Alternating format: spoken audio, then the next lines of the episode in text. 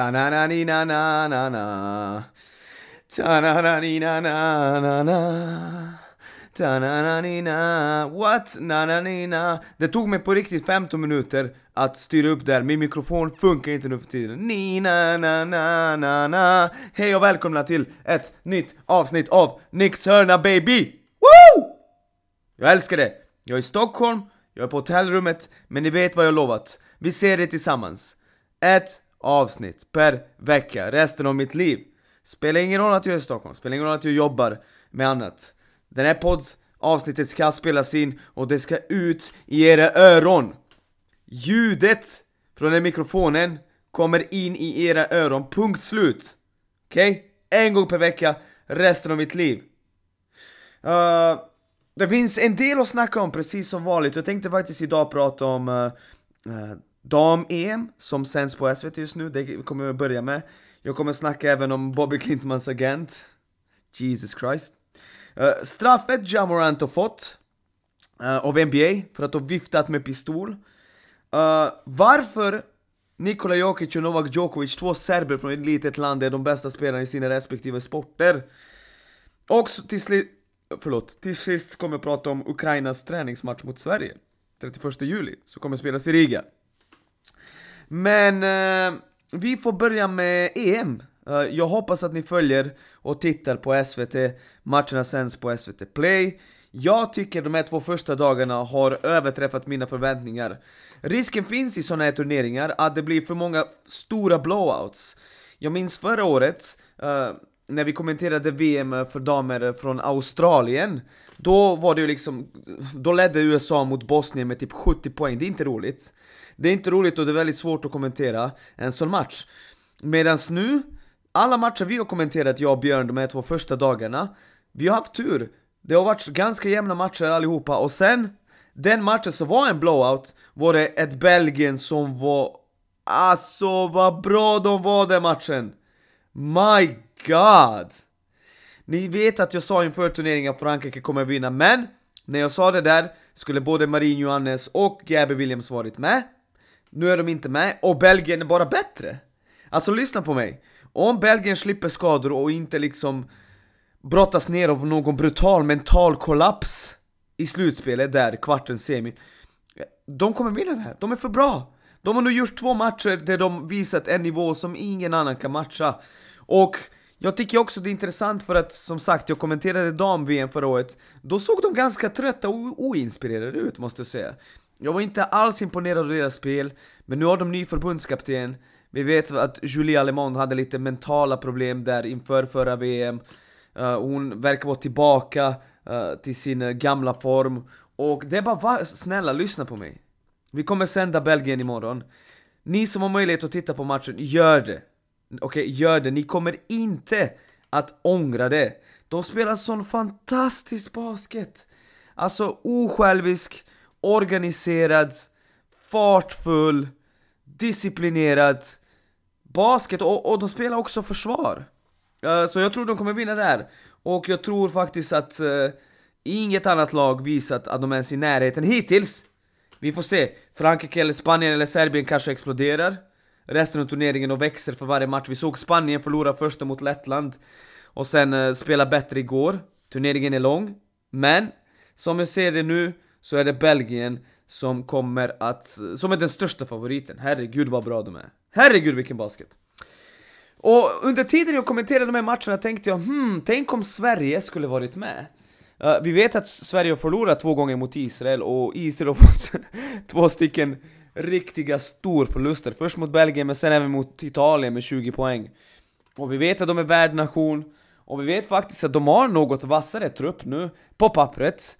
Nu när de har college-spelare med sig och allting, men grejen är att de har ett ganska nytt lag som inte har fått spela uh, med varandra tillsammans och jag tror det är därför det ser så dåligt ut som det gör. Israel, uh, som vi vet, har några amerikaner Uh, och uh, var egentligen klart bättre än Sverige i kvalet. Vi får vara ärliga och se som det är. Det var inte nära. I Uppsala visst, ganska, den här första kvalmatchen, det var ganska tight, men sen borta, den här matchen vill jag inte ens prata om, Serbien, Serbien, förlåt. Vi kommer prata om Serbien sen. Sveriges skit utifrån var ju bland det värsta jag sett. Eh, så hur som helst, jag tror hade Sverige varit med i det här kvalet så hade man fått också dunderstryk eh, fått dunderstryk och det hade inte sett bra ut och då kanske det är lika bra att man inte tog sig dit och kan liksom summera tankar, utvärdera och, och försöka lista ut vilken riktning svenska landslaget ska ta.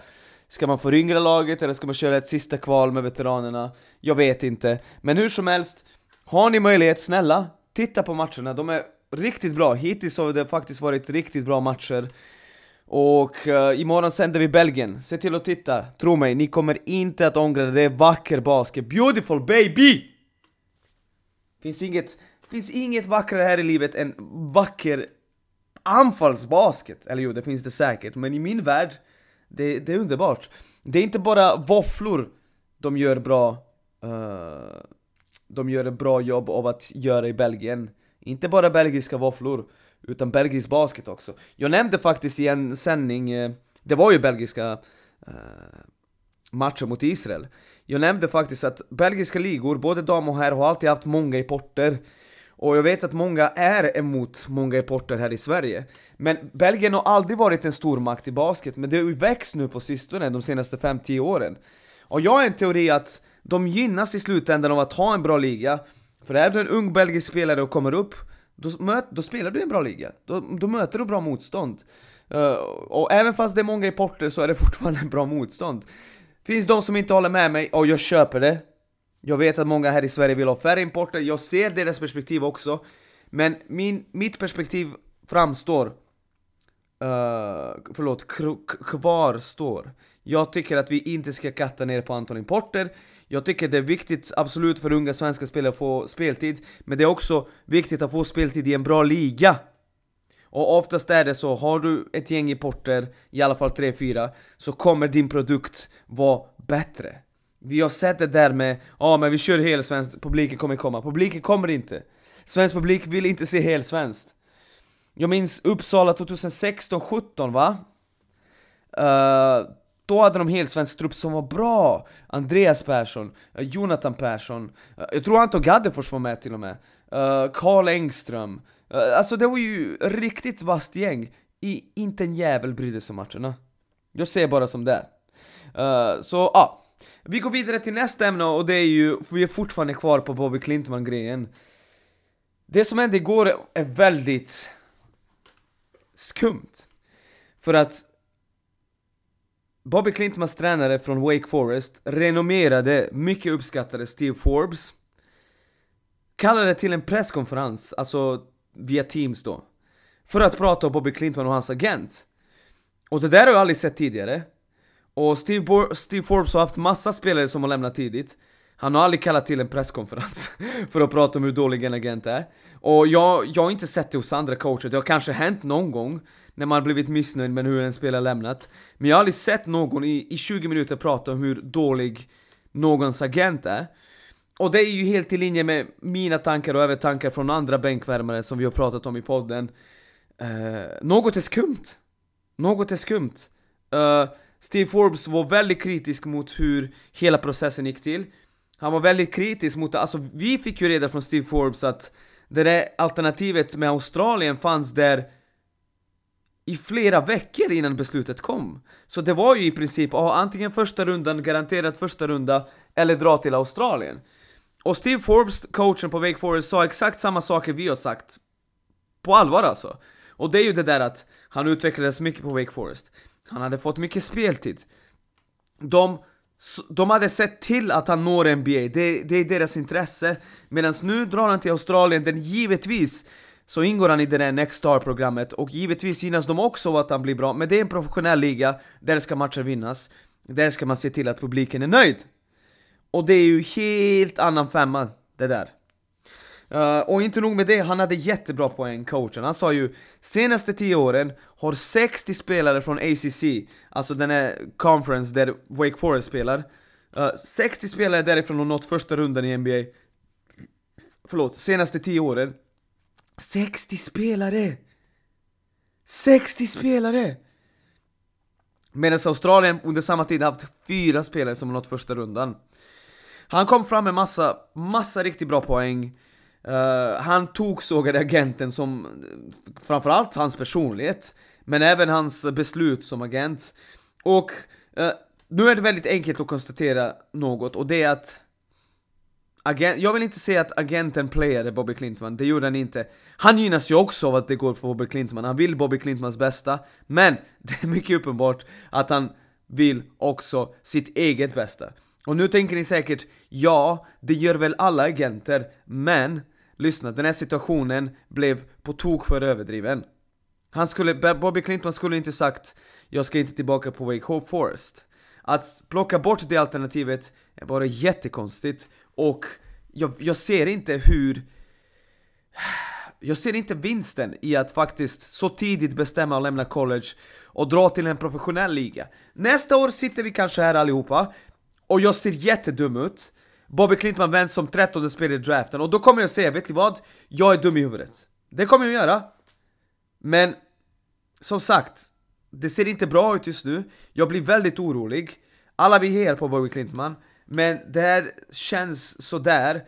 Och återigen, jag vet att folk har skrivit ja men eh, ring Bobby eller hans agent, han eh, kommer ju förklara... Ingen har kunnat nå dem! jag försöker förklara för er. Journalister från Stockholm, från flera olika mediehus, har försökt nå Bobby inför draften. Flera veckor, gick inte att nå honom. Det gick att nå hans agent lite då och då. Så snabbt det blev klart att Bobby skulle hoppa av uh, draften och det går inte att nå dem! Så jag skulle gärna vilja höra deras perspektiv också, men de går inte att nå. Det, det är bara fakta. Uh, och uh, ja, som sagt, Bobby Clintmans agent. Vem hade kunnat ana för tre månader sedan att Bobby Clintmans agent skulle bli typ en av de mest pratade, omtalade, polariserande personer i svensk basket. Men så är det. Det verkar som att Bobby Klintman uh, litar på den agenten och jag hoppas att han gör det uh, för att han tror och litar på att han kommer fixa den bästa möjliga vägen för honom till NBA-draften. För just nu är det så att Bobby har den där potentialen som är NBA-värdig. Och då måste han få chansen att bli draftad. Eh, och jag tror att han hade fått det om han hade stannat på Wake Forest och fått den här extra speltiden nästa år, extra bollinnehav och så vidare.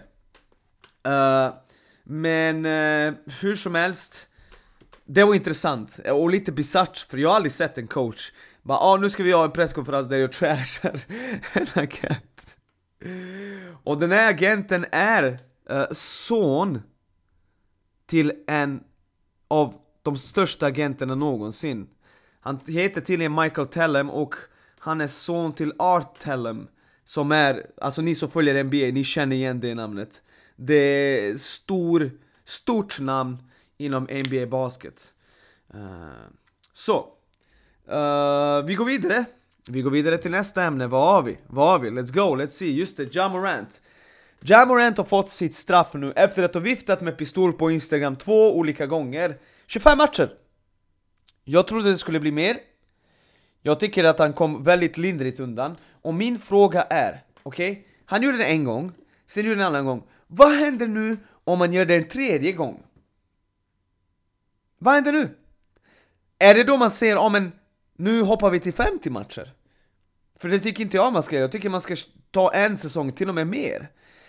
Jag vet att många av er har sagt, ja oh, men i USA det är inte olagligt det där. Lyssna. Det är inte olagligt att röka marijuana i vissa delstater på Instagram live heller. Men jag vill inte att NBA-spelare gör det! Förstår ni? Jag bryr mig inte om, om det är lagligt eller olagligt. Jag vill inte att NBA-spelare ska vifta med pistoler på Instagram, ska uh, liksom röka marijuana, använda droger. Nej! Nej! Absolut inte! Och som sagt, Jamorant fick redan avstängning en gång på åtta matcher. Och då skulle han bort och rehabba! Han var på rehab i Florida. Vadå för rehab? Vadå, drog han dit och bara, någon doktor gick fram och bara Ey bror, sluta med det där, okej? Okay? och John Moran, ah jag lovar jag ska sluta. Eller va? Snacka, pratar vi att mår Jamoran dåligt? Hade han liksom psykolog han pratade med där nere? För det tror inte jag. Och så snabbt han kom tillbaka, gick till två månader och så viftade han med pistol på kompisens Instagram live igen! Han har inte lärt sig någonting. Och nu har han skrivit ett nytt meddelande sådär, ja, ah, jag inser mina misstag, jag ska försöka mogna. Bror, ingen, ingen tar det på allvar. Alla vet att du snackar skit. Alla vet att du snackar skit kompis. För att du har redan gjort det där en gång, för två månader sedan! Så jag tycker att han kom lindrigt undan. Jag gissade på 41 matcher, jag tycker att 41 matcher hade varit bättre signal att skicka en halv säsong. Återigen, det är inte första gången, det är andra gången och han gör något så fruktansvärt dumt och onödigt. Och det är bara för att leka gangster, alltså det... Åh! Åh, gode gud vad jobbigt! Så nej, han kom lindrigt undan John Morant och han ska vara glad att det bara blev 25 matcher. Och vill, vill du veta det roliga? Memphis kommer spela bra utan honom. Hur vet du det? Det är för att de alltid gör det. De har alltid spelat bra utan John Morant. Varje gång han är skadad så har, har de haft riktigt bra record. Så jag tycker inte ens att det är någon stor smäll mot Memphis Grizzlies. Tvärtom, jag tror att de kommer må bra av att ha den här skiten utanför hallen, alltså inte Jamorant som person, men, men jag menar just det hela cirkusen uh, eh, runt honom. Uh, det är eh, något ett ungt lag inte behöver. Förhoppningsvis menar uh, Jamorant det han ser, när han ser att han har lärt sig och att han kommer gå vidare och, och försöka må bättre och jobba på sig själv. Det är givetvis förhoppningen, men jag tror att det är skitsnack. Och något han ser bara för att Eh, uh, slippa mer kritik. Jamorant viftar med pistol, alltså vifta med pistol, åh oh, herregud. Och vi har redan pratat om det här, Jamorant kommer från en familj med två föräldrar, han har gått på privata skolor. Han har inte den här bakgrunden. Han gjorde tvärtom, folk brukar komma från utsatta områden med massa vapen, droger och stökig eh, tillvaro till att jobba upp sig till NBA och, och sen bara okej, okay, I made it. Men han, han gör alltså tvärtom. Han har haft det bra, kommit till NBA och nu ska han helt plötsligt bli gangster. Alltså det... Vansinnigt. Vansinnigt. Uh, vi går vidare till nästa ämne, vi ska ju jobba oss igenom det här snabbt. För jag tänkte faktiskt gå och kika på Ludde Håkanssons camp. Uh, han kör en camp borta i Åkeshovshallen, jag ska dit och snart och titta. Det är många duktiga tränare där och så vidare. Och många ungar som kan lära sig från en av, nej, inte en av, utan från den bästa svenska basketspelaren i dagsläget. Men i alla fall, vi går vidare till Serbien, mitt hemland, och eh, varför ska jag prata om Serbien? Jo, det är för att eh, Nikola Jokic är serb, världens bästa basketspelare. Novak Djokovic är serb, världens bästa tennisspelare. Där pratar vi alltså två av världens tio största sporter. Eh, när det gäller intresse, publikintresse, skulle jag, globalt, skulle jag nästan vilja säga det är två av kanske sju eller åtta största sporter. Men det... Tennis till antal utövare kommer aldrig kunna matcha lagsporter naturligtvis, men jag menar, det finns så stort intresse och det är en av få sporter som är populär på alla kontinenter. Eh, Asien, eh, Sydamerika, Nordamerika, Europa, eh, till och med Afrika, Sydafrika hade ju en eh, spelare i, i Wimbledon-finalen 2018 om jag minns rätt. Men i alla fall! Uh, många har skrivit om en, till och med amerikansk media har uppmärksammat det, men vänta, hur är det möjligt att ett så, ett så litet land med 6 miljoner invånare, de, delstaten Tennessee är faktiskt 1,4 gånger större. Alltså, eller inte 1,4 gånger större utan delstaten Tennessee är 1,4 gånger Serbiens yta. och delstaten Tennessee anses vara typ en liten delstat i USA. Och då är frågan, hur kommer det sig att Serbien är här? Och jag har faktiskt pratat med folk, försökt höra olika teorier. Jag har mina teorier. Så här är det. Så, ni som kan historia vet att Serbien ingick i forna Jugoslavien som var kommunistiskt. Och på de här gamla kommunistiska tiderna var det ju väldigt viktigt att hävda sig på idrottstävlingarna. Eh, det var liksom, alla de här kommunistiska länderna, det var så otroligt viktigt. Och mycket av resurser Jugoslavien hade där på 60, 70, 80-talet gick åt att skapa en maskineri som producerade bra spelare. Och inte nog med det, något jugoslaviska ledare var väldigt bra på var att skicka sina tränare till utlandet. Det gjorde man med basket redan på 60-talet, skickade dem till USA, Lär dig av de bästa, kom tillbaka och införa det hemma. Så det var ju många, mycket pengar, mycket resurser som investerades och där på 80-talet kom man igång ordentligt. Jugoslavien, ni som kan idrottshistoria vet att uh, basketlandslaget på R-sidan fullständigt mördade sitt motstånd 89, uh, 90, 91 innan kriget bröt ut. De, de, de, är ju anledningen till att USA började, skickade sitt Dream Team 92, om vi ska vara ärliga. Uh, Jugoslavien och Sovjetunionen. Uh, fotboll, man var på gång där också, man vinner U20 e, eh, uh, VM. Uh, I Chile med Robert Prosinecki, uh, Mijatovic, uh, helt sjukt många spelare, Zvonimir Boban, eh, Robert Jarni Alltså alla ni som följer fotboll känner igen de här namnen. Alla de blev sjukt bra spelare på absolut högsta nivån i världen. Uh, Handboll var man bra på, volleyboll var man bra på, alltså man, man rullade igång ordentligt. I nästan uh, alla lagsporter faktiskt, vattenpolo, alltså allt möjligt. Uh, Och sen kom kriget och det som hände efter kriget är att man fortfarande var kvar lite i, i den här tanken och man hade fortfarande samma principer hur man skulle jobba. Och, och hur man skulle välja spelare, hur mycket man ska investera i spelare, när man ska börja selektera spelare och så vidare. Så jag tror faktiskt att en anledning är att alla de här människorna som ingick i det där gamla kommunistiska systemet där så mycket investerades i sport var kvar och när Jokic och Novak Djokovic växte upp så var de en del av det här systemet, trots att det är 90-tal, början av 00-talet så är det fortfarande de människorna som fanns på 70 och 80-talet som drog riktlinjerna. Och uh, uh, ja, uh, det var ju deras system som gällde fortfarande. Och om det är positivt eller negativt vet jag inte, som sagt. Eh, de tänkte inte på bredden, det var ju ganska brutalt, man skulle satsa på eliten, man skulle selektera tidigt. Men jag ser till er att det producerade högkvalitativa elitidrottare. Och sen är det också, så, så det är en teori jag har. Jag tror inte att Serbien kommer att ha de bästa spelarna. Om, om 20 år så kommer det här inte vara något, eh, så kommer vara liksom eh, vi kommer inte ha samma situation där två spelare från ett, så mini, ett sånt miniland är topp i världen. Där är ju också liksom ren slump också givetvis, tennis var inte en stor sport i Serbien när Novak Djokovic var liten. Många pratar om liksom genetik, vi vet att Serbien, eh, hela Balkan har ganska bra genomsnittslängd och så vidare. Eh, det är lite olika faktorer men det är ett fenomen. det är verkligen ett fenomen och jag blir extra stolt som serb när jag ser att de två uh, gör så bra ifrån sig och representerar mitt land uh, på så stor skala och, och, och vinner. vinner så mycket. Och som sagt, till alla mina serber, det är bara att njuta av det här för det kommer inte hända igen. Vi är för små för att ha två de två som är de allra bästa i sina respektive sporter i två av världens största sporter, det kommer nog inte hända igen.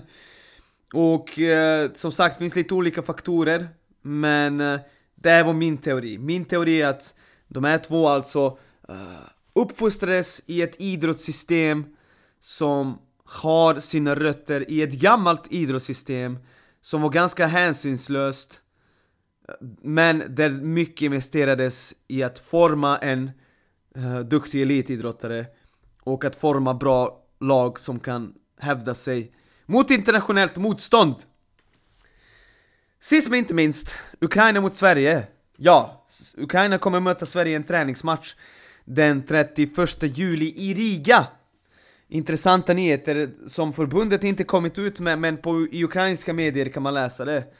Och roligt initiativ. Uh, ni som följer svensk basket minns att Ukraina verkligen demolerade Sverige två gånger i, uh, då ska vi se, det där är VM-kval 2017 Jag tror att året är 2017 Och först spelades en match i Norrköping. Ukraina ledde med 20 poäng, men sen kom Sverige tillbaka, Sharapovic blev het, så blev det under 10, men det var aldrig riktigt nära. På den tiden var det mycket stor skillnad mellan Sverige och Ukraina, och Ukraina hade faktiskt ett oväntat bra landslag, även utav Pooh Jeter då, amerikanen som gjort massa landskamper för dem. Ah, men nu kommer det inte vara samma sak, för Sverige har blivit mycket bättre, och jag tror att Ukraina är något sämre än 2017, så det kommer att vara jämnare match, men fantastiskt, alltså jag älskar det här. Vi behöver träningsmatcher, vi behöver spela de här OS-kvalmatcherna, vi behöver tävla! Vi behöver få ihop helheten, få ihop gruppen, för att kunna ta oss till EM 2025. Snart kommer den här lottningen, som är så avgörande, men jag tror att vi kommer ta oss till EM 2025. Jag tror det, jag tror att vi har allt på plats. Vi har spelare, vi har coacher, lite oroväckande med Ludvig Degernes och Joakim Kjellman som helt plötsligt inte coachar som huvudtränare på högsta nivån i Sverige.